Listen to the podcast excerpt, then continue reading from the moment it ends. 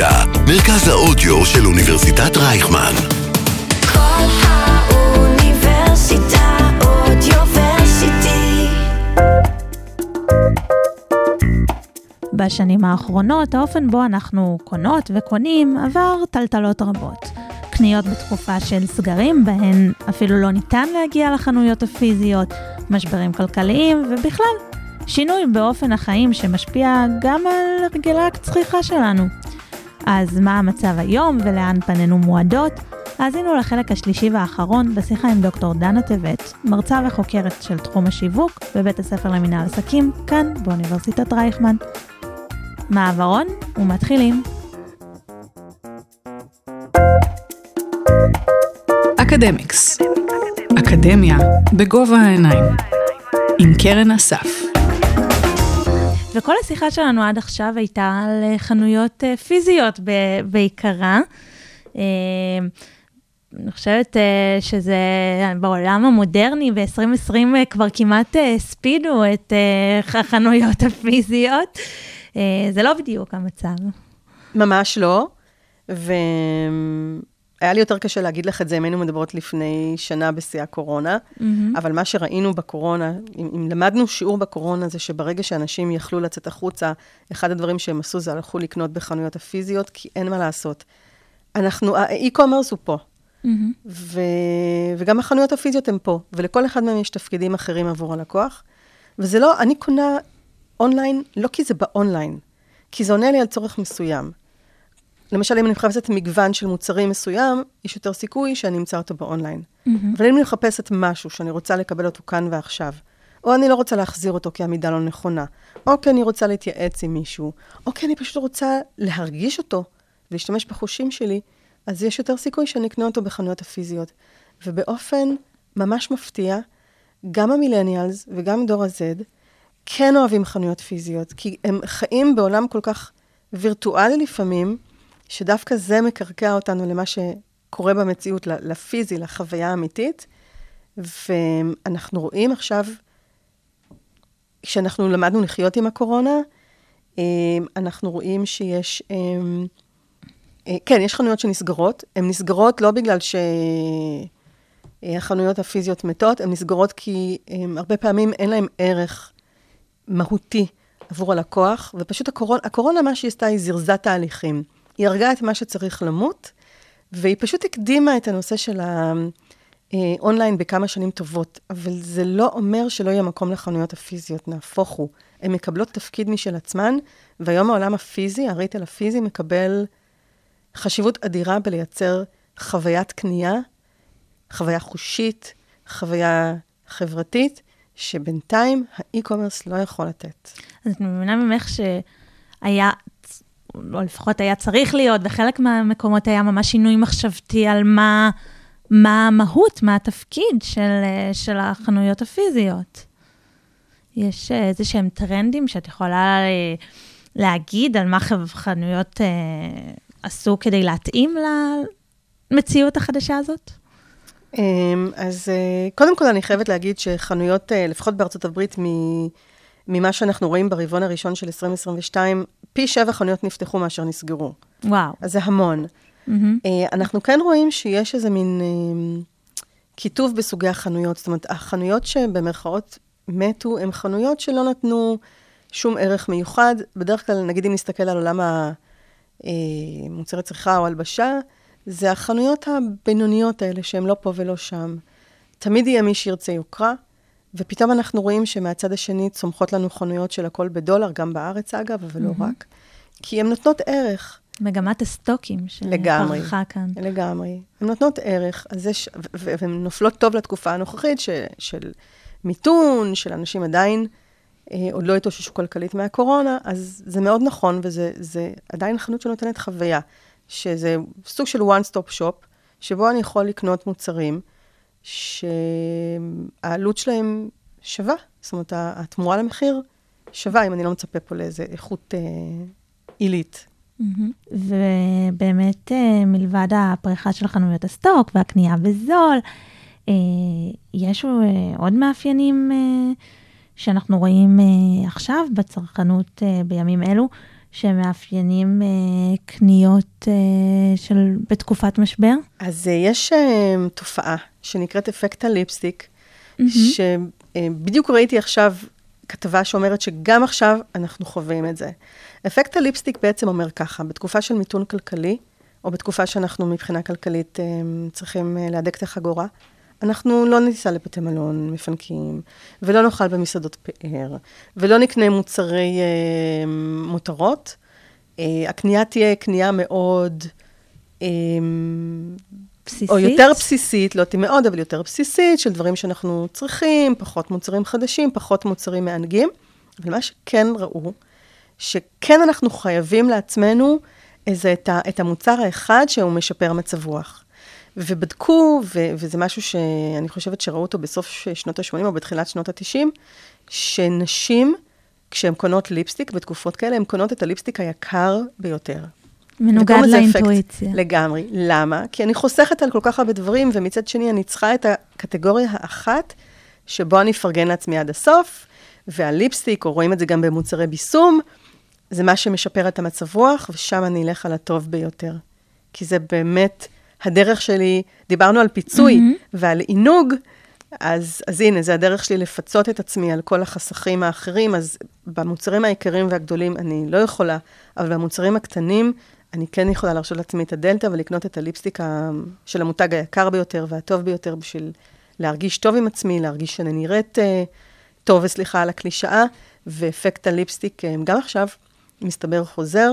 ויש חברות שמדווחות על עלייה במכירות של אה, מותגים מסוימים, של אה, איפור, ביסום, טיפוח. זה נכון אה, לשני המינים, או שגברים מפצים עם מוצרים אחרים? אז אני לא בדקתי מה גברים קונים. יכול להיות שהם מפצים עם מוצרים אחרים, אני באמת לא יודעת, זו שאלה מעניינת. אבל בהחלט קוראים לזה אפקט הליפסטיק, כי ראו לאורך השנים שזה בא לידי ביטוי ב... אה, תקופה מסוימת של מיתון זה היה ליפסטיק, את התקופה שזה היה לק ג'ל מסוים, ועכשיו כנראה חזרנו לליפסטיק ולביסום. עכשיו, עכשיו. מעניין. כן, כן. אנחנו מורכבים, והאופן שבו אנחנו קונים מורכב, וזה רק עושה את זה עוד יותר uh, מאתגר um, לדעת מה, מה יקרה הלאה, ואיך בעצם הקונה ישתנה ועולם הקמעונות ישתנה, הוא בטוח ישתנה. אבל אה, יש דברים שכל עוד אנחנו בני אדם, כנראה שתמיד נמשיך לפצות את עצמנו, ותמיד נרצה להרגיש אה, אה, שיפור מצב רוח, ותמיד נרצה להיות עם אחרים, ותמיד נרצה אה, לקנות אה, דברים שאנחנו יכולים להרגיש ולחוש ולנסות. אני מקווה, אני מקווה, אחרת נהפוך להיות אה, משהו ככה כמעט וירטואלי. אם כבר אנחנו מדברות על אה, קניות אה, לא בדיוק אה, רציונליות, אני חושבת שבחודשים האחרונים ראינו תופעה שהיא בעיניי קודם כל מדהימה, מדהימה בפני עצמה, אבל עוד יותר מדהימה כשאנחנו שמים אותה בהקשר של התקופה בה אנחנו נמצאות. אנשים מוכרים על מחירי המזון, קונים ברשתות סטוק, מוותרים על כמעט כל מותרה, חוץ מאיזה ליפסטיק, אה, כדי להרגיש אה, אה, לא לגמרי לא אנושיים, אנושיות. ובמקביל, מוכנים לשלם אלף שקל על קרטון של גלידת קראנץ' פיסטוק, אפילו לא איזו גלידה איכותית במיוחד. מה קרה שם? טוב, איכותית או לא, אני לא יודעת, כי לא טעמתי. אה, גם אני לא. זה, זה מחירים ש... אבל אפשר להניח שיש פה כל כך הרבה גלידריות מעולות שעושות גלידה יותר איכותית מקראנץ'. טוב, זה, זה סיפור סינדרלה פה. ואני מספרת מה שקראתי, כמו. כמו כולנו פחות או יותר. ישב בחור שאוהב פיסטוק, ושייך לאיזה פורום או אה, קבוצת אה, אנשים שחובבי פיסטוק ופינטז, על מוצר, ש... שיהיה גלידת פיסטוק או ארטיק פיסטוק, שהם בעצם הם עשו איזה מין ספין על אחד המוצרים של נסטרה, נסטלה והקראנץ' הרגיל, אני חושבת. Mm-hmm. והשיח הזה, הוא, הוא בעצם ישב ועשה design של כל מיני מוצרים, אם היה פיסטוק שלהם. Mm-hmm. ואחד ה designים האלה פשוט הגיע, או שהוא שלח לנסטלה, או שהגיע לנסטלה, ונסטלה פשוט הרימה את הכפפה. וביחד איתו פיתחה את המוצר הזה שנקרא קראנץ' פיסטוק. וזה היה סוג של גימיק, אני חושבת, מבחינת כולם, ונסטלה הוציאה את זה בתור אה, אה, מוצר, מוגבלת. מהדורה מוגבלת, שזה חברות עושות אה, הרבה בשביל להכניס גיוון ו- וחיים, וככה לרענן את, ה- את המקררים. אה, ואני חושבת שהם הם פשוט לא ראו איזה באז הדבר הזה ייצור. כי מה שקרה בין לבין זה שכנראה שיש לא מעט אנשים ש... קודם כל, אנחנו בתקופת פיסטוק, הכל עם פיסטוק. וישראלים, אה, ובכל בית קפה ובכל מסעדה יש קינוח פיסטוק, וזה זה מין טרנד. טרנד כזה. ו... וגם הרשתות אה, געשו, והוא והחברים שלו, ו... וכל הסיפור הזה של הפיסטוק, זה גם עשה איזשהו vibe. והמוצר יצא במהדורה מוגבלת, אז הוא יצא במספר אה, של לא זוכרת כמה אלפים או עשרות אלפים, אבל לא מעבר לזה. ומה שקרה זה שנוצר חוסר, וברגע שנוצר חוסר, אנחנו נכנסים לאיזה מין אה, אה, FOMO רציני, וכולם רצו לטעום, ופשוט לא היה להשיג. ואז התחיל כל האסקלציה הזאת של אנשים שמוכנים לשלם אה, אלף שקל לקרטון, ויש פה כל מיני סיבות. סיבה אחת זה שאנחנו, יש לנו את ה-fear of missing out, אה, או אה, בדרך אחרת להגדיר את זה, זה שנאת הפסד. אנחנו יותר כואבים על הפסד של 20 שקלים, מאשר על רווח של 20 שקלים, או אם נמצא 20 שקלים ברחוב. העובדה שכל החברים שלי טעמו קראנץ', פיסטוק ואני לא, זה פשוט תחושה בלתי נסבלת. זה דבר אחד. דבר שני, כשיש משהו שהוא נדיר, אנחנו יודעים אבולוציונית להתחרות על משאבים. כי פעם המשאבים היו מוגבלים, ופשוט היו צריכים להילחם על הציד, או להילחם על, על uh, חקלאות, או על, על מוצרים חקלאיים, ואנחנו כנראה עוד איפשהו בנויים על להילחם על משאבים. זה אגב מסביר מה קורה ב Black Friday, שאנשים mm-hmm. פשוט מוכנים להרוג אחד את השני בשביל מבצע. כן, הקורונה קצת מיתנה את זה, אבל תמיד היו מגיעים הסרטונים מארצות הברית. מטורף.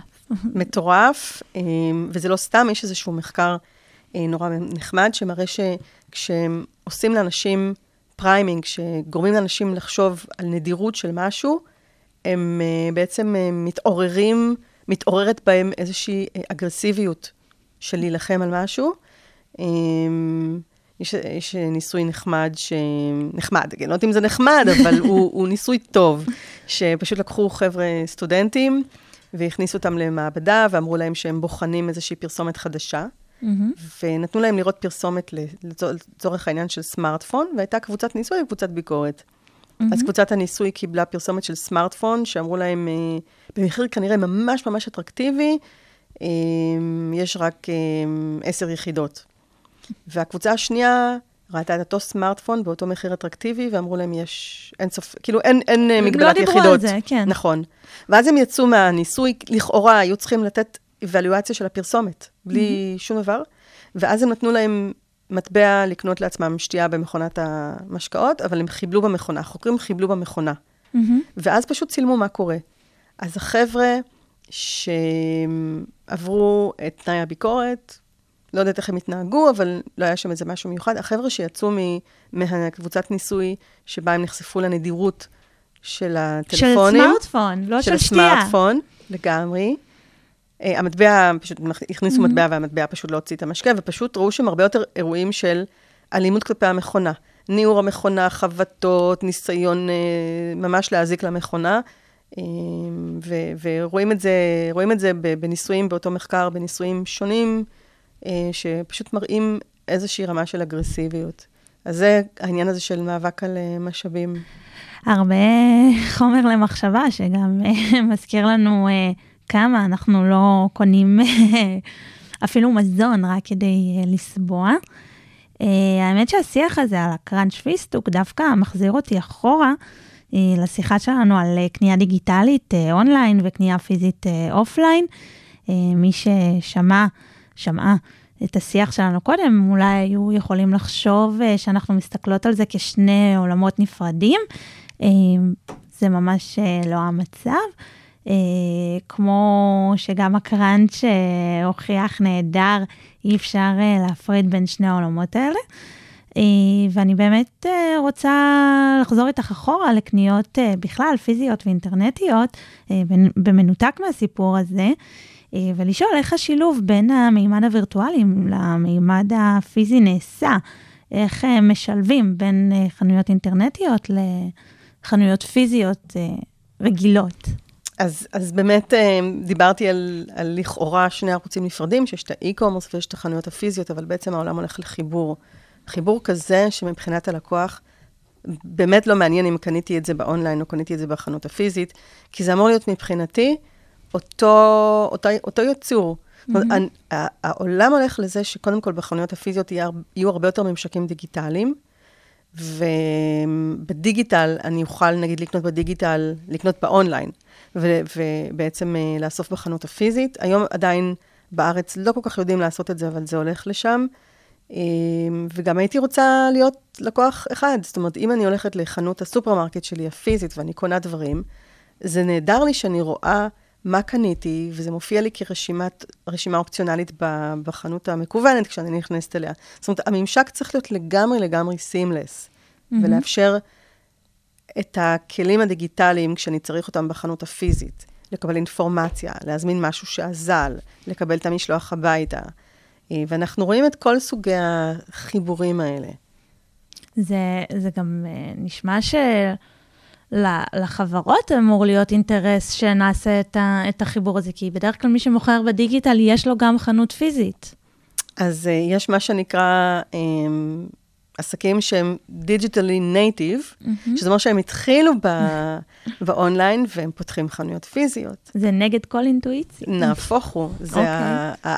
ההבנה שיש דברים שלא משנה מה, האונליין לא יכול לספק, והקונים אוהבים את החיבורים האלה. והחיבורים, אגב, יכולים להיות uh, לפתוח שואורום, uh, mm-hmm. שזה בעצם, uh, אני לא מחזיק סחורה, אבל בואו תמדדו, תמדדו אצלי ותרגישו את המוצר ותראו מה אתם רוצים, ואז תקנו את זה באונליין. ויש המון המון uh, עסקים של e-commerce שפותחים חנויות פיזיות. Uh, אמזון זה רק דוגמה אחת, mm-hmm. שמבינה את הכוח של, ה, של החוויית לקוח uh, הפיזית. ומשלבת בתוכה המון מהדיגיטל לגמרי, בתוך החנות הפיזית לגמרי. שלה. לסיום, אמ, בימים אלו אנחנו רואים אה, ששתי רשתות גדולות אה, באות להיכנס לישראל, אמ, ויש הרבה באז סביב זה. למה זה מרגש אותנו שבכלל חנויות מגיעות אה, לישראל? למה זה מרגש אותנו? לא עשיתי על זה מחקר, mm-hmm. אבל יש לי תחושה שאנחנו עדיין מרגישים כזה קצת פרובינציה, ואז כשרשת בינלאומית פתאום נפתחת פה, אז אנחנו מרגישים, וואו, אנחנו על המפה, וגם בתור ישראלים שבאמת אוהבים אה, לטייל בחו"ל, אז זה מאוד משמח לראות רשתות שאנחנו אוהבים לקנות בהן בחו"ל אה, נפתחות בארץ. אה, ואנחנו אוהבים חדשנות, הישראלים מאוד אוהבים גיוון וחדשנות, אז, אז בכלל, יש את האלמנט הזה.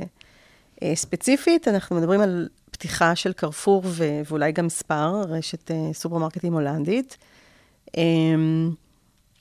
ויש פה, פה כל מיני ממדים. יש את המימד של uh, להכניס קצת תחרות בריאה לשוק, ש, שגם פה יש סימן שאלה, אגב.